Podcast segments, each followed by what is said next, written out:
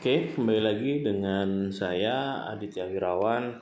Selamat pagi, siang, sore, dan malam. Hari ini kita eh, belajar ya mengenai apa itu upaya administrasi, apa itu upaya peradilan, begitu ya. Jadi kalau kemarin kita sudah sempat membahas begitu ya bahwa tidak pernah lepas antara upaya administrasi dengan apa itu namanya upaya peradilan. Itu merupakan suatu rangkaian yang secara terus menerus begitu ya. Oke sampai di sini eh, kita senyum sedikit ya. Dasar adanya upaya administrasi itu sendiri gitu ya jadi dasarnya diatur di dalam undang-undang e, eh, PTUN ya. Di mana di dalam undang-undang PTUN itu e, dijelaskan, dinyatakan bahwa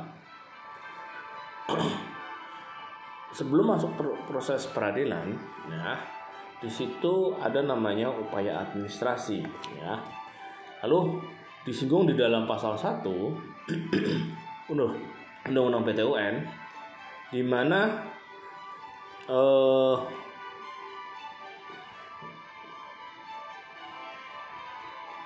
upaya administrasi ya baik itu bentuknya banding administrasi maupun keberatan ya ini merupakan suatu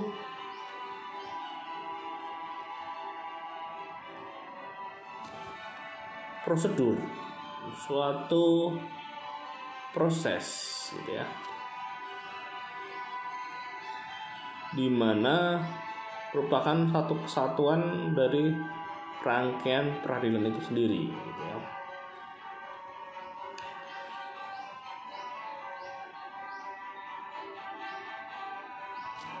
ya di Undang-Undang 30 tahun 2014 dinyatakan upaya administrasi ya,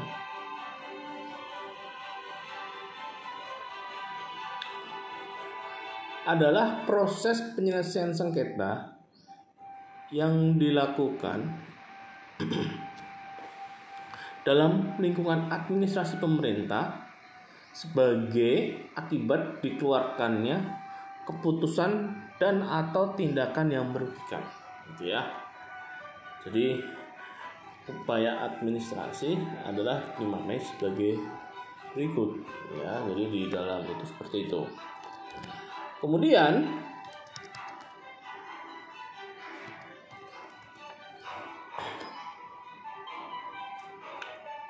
di dalam undang-undang PTUN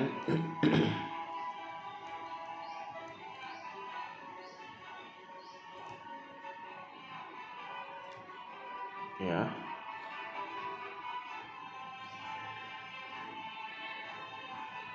dinyatakan di dalam pasal 48 dalam hal suatu badan atau pejabat tun diberikan wewenang atau di berdasarkan peraturan perundang-undangan untuk menyelesaikan secara administratif sengketa tata usaha negara tertentu, maka batal atau tidak sahnya dengan tan atau tanpa disertai tuntutan ganti rugi administrasi yang tersedia. Pengadilan baru berwenang memeriksa, memutus dan menyelesaikan sengketa tata usaha negara sebagaimana dimaksud ayat 1 jika seluruh upaya administrasi yang bersangkutan telah digunakan ya. Lalu penjelasannya di dalam penjelasan pasal 48 gitu ya dinyatakan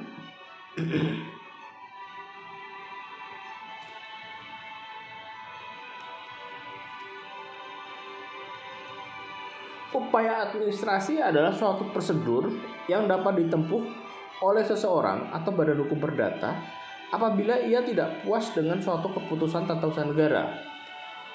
Prosedur tersebut dilaksanakan di lingkungan pemerintahan sendiri dan terdiri dari dua bentuk. Ya, jadi ada dua bentuk ya. Yang pertama Dalam penyelesaian itu harus dilakukan dengan instansi atasan atau instansi lain yang mengeluarkan keputusan bersangkutan. Maka prosedur tersebut dinamakan banding administratif. Ya. Nah, contohnya itu adalah keputusan majelis majelis pertimbangan pajak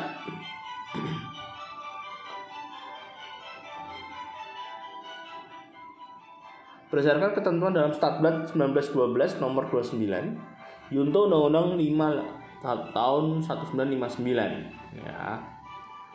Kemudian ada Badan Pertimbangan Kepegawaian berdasarkan peraturan pemerintah nomor 30 tahun 80 dan sebagainya. Nah, aturan-aturan itu ada yang masih berlaku, ada yang sudah dicabut begitu ya.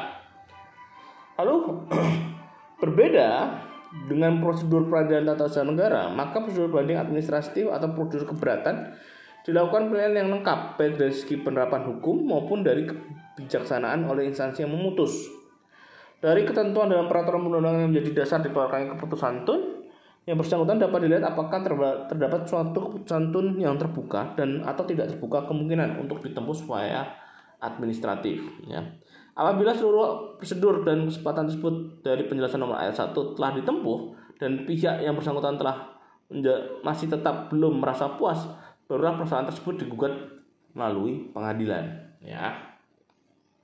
Nah, proses peradilannya ini, ya, di sini tidak dari awal kembali gitu ya, tidak di tingkat pertama, tetapi langsung ke pengadilan tinggi tata usaha negara begitu. Ya.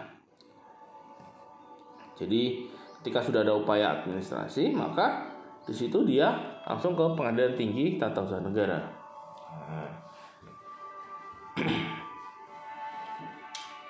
Lalu yang kedua materi yang kedua terkait dengan upaya peradilan nah, Upaya peradilan itu kemarin sempat kita singgung mengenai gugatan, bentuk gugatan, ya proses apa itu rapat permusyawaratan, apa itu dismissal proses dan sebagainya, ya. Lalu eh, rapat persiapan, ya, rapat permusyawaratan, rapat persiapan dan sebagainya itu kita sudah sempat bahas. Nah, kita sampai pembahasan yang belum ada di dalam eh, apa namanya materi yang kemarin yaitu terkait dengan surat kuasa gitu ya.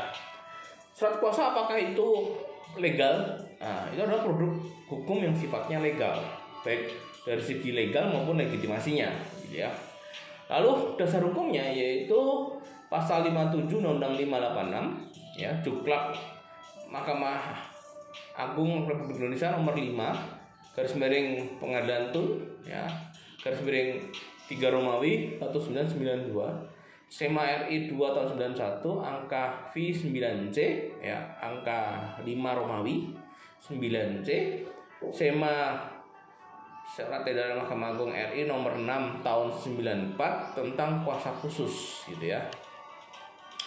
Pihak-pihak yang dapat diwakili oleh seseorang Beberapa orang dengan syarat materi objek gugatan sama, semua penerima kuasa harus bertanda tangan, harus seorang advokat, ya, jika itu adalah uh,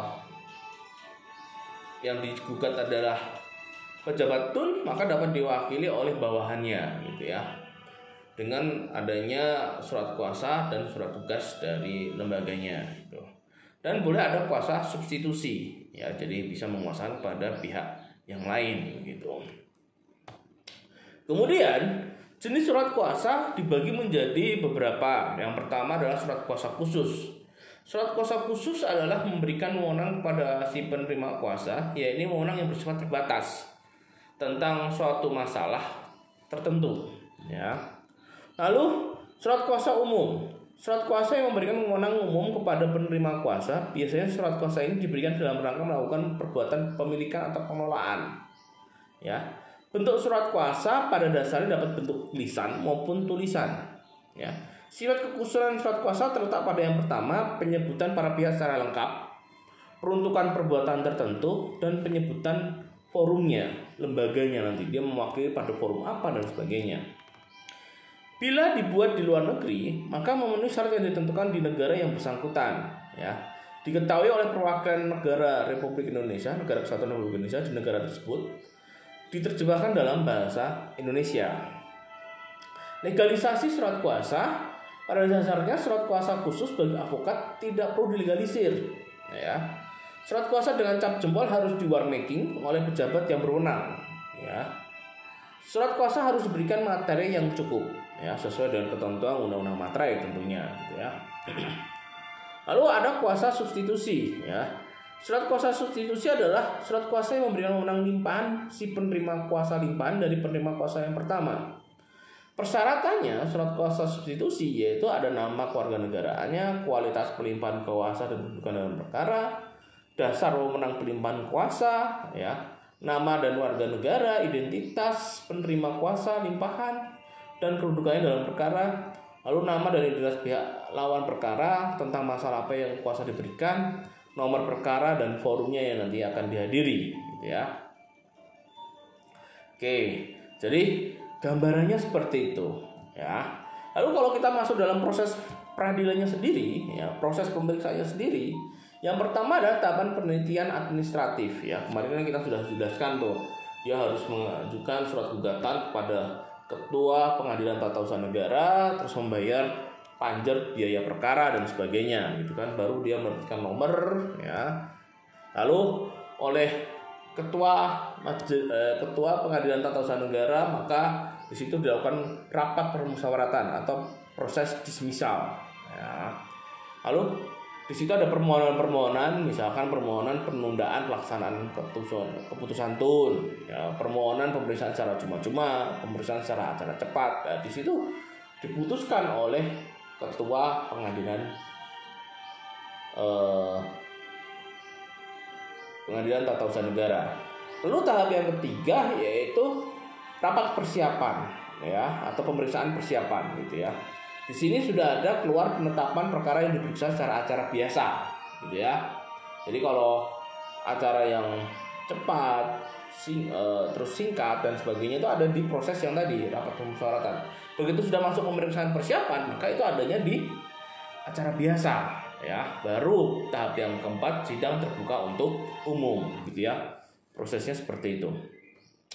Kemudian dismisal proses atau rapat pemusyawaratan ya. Dilaksanakan oleh Ketua Pengadilan Tata Usaha Negara, dilaksanakan dalam rapat pemusyawaratan dengan acara singkat. Ya, Ketua PT UN dapat mendengar keterangan para pihak sebelum menentukan penetapan dismisal. Ya, penetapan dismisal berisi gugatan dinyatakan tidak diterima atau tidak berdasar. Ya, alasannya adalah misalkan pokok gugatan tidak termasuk wewenang PT UN. Syarat-syarat gugatan sebagaimana dimaksud dalam pasal 56 tidak terpenuhi Gugatan tidak didasarkan pada alasan yang alayak ya. Ingat alasannya hanya dua. Bertentangan dengan peraturan perundang-undangan atau bertentangan dengan asas-asas umum pemerintahan yang baik ya, bukan tiga ya. Sekali lagi saya tekankan. Alasan gugatan PT UN hanya dua, bukan tiga ya. Lalu apa yang dituntut dalam gugatan yang telah gugatan sudah dipenuhi dan yang terakhir gugatan diajukan sebelum waktunya telah terlewat waktunya. Jadi sebelum waktunya belum final. Yang kedua adalah telah lewat waktunya yaitu lebih dari 90 hari gitu ya. Lalu bentuk-bentuk perlawanannya ya, maka perlawanan ini dengan acara singkat gitu ya. Di mana diajukan dalam jangka waktu 14 hari setelah diucapkan ya. Perlawanan diajukan sesuai dengan keterangan yang dimaksud dalam pasal 56 diperiksa dan diputus dengan acara singkat jika perlawanan dibenarkan maka penetapannya dinyatakan gugur. Ya, pemeriksaan dilanjutkan dengan pemeriksaan pokok perkara. Dengan acara apa? Acara biasa tentunya. Gitu ya. Kemudian setelah tadi proses e, rapat perusahaan selesai dan ditentukan bahwa ini adalah menggunakan acara biasa, masuk di dalam pemeriksaan persiapan. Nah, di sini sudah ada majelis hakimnya, ya. Dilakukan sebelum pokok sengketa diperiksa, dilakukan dengan majelis lengkap dan dapat juga dilakukan oleh satu orang hakim, ya Pemeriksaan dilakukan tertutup ya. Kepada penggugat hakim memberikan nasihat untuk menyempurnakan gugatan dan kepada tergugat hakim dapat meminta penjelasan ya.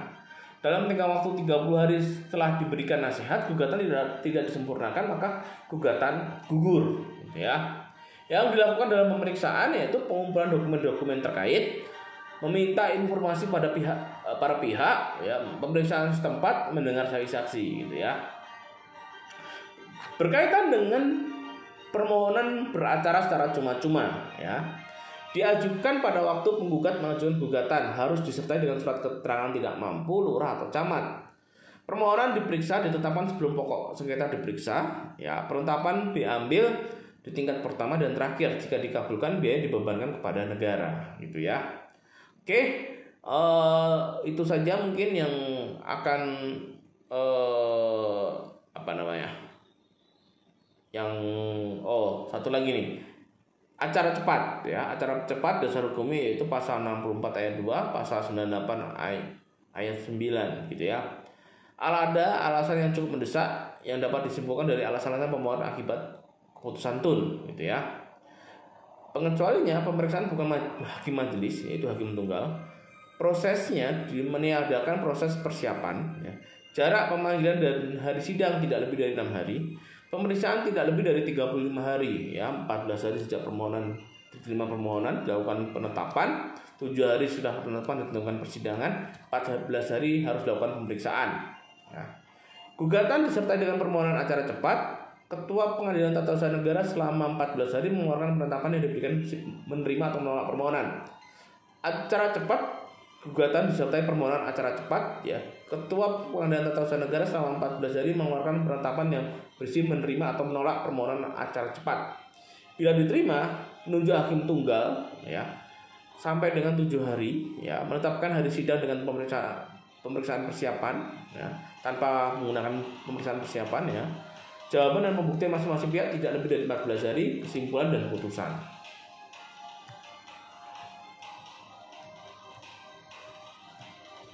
Oke.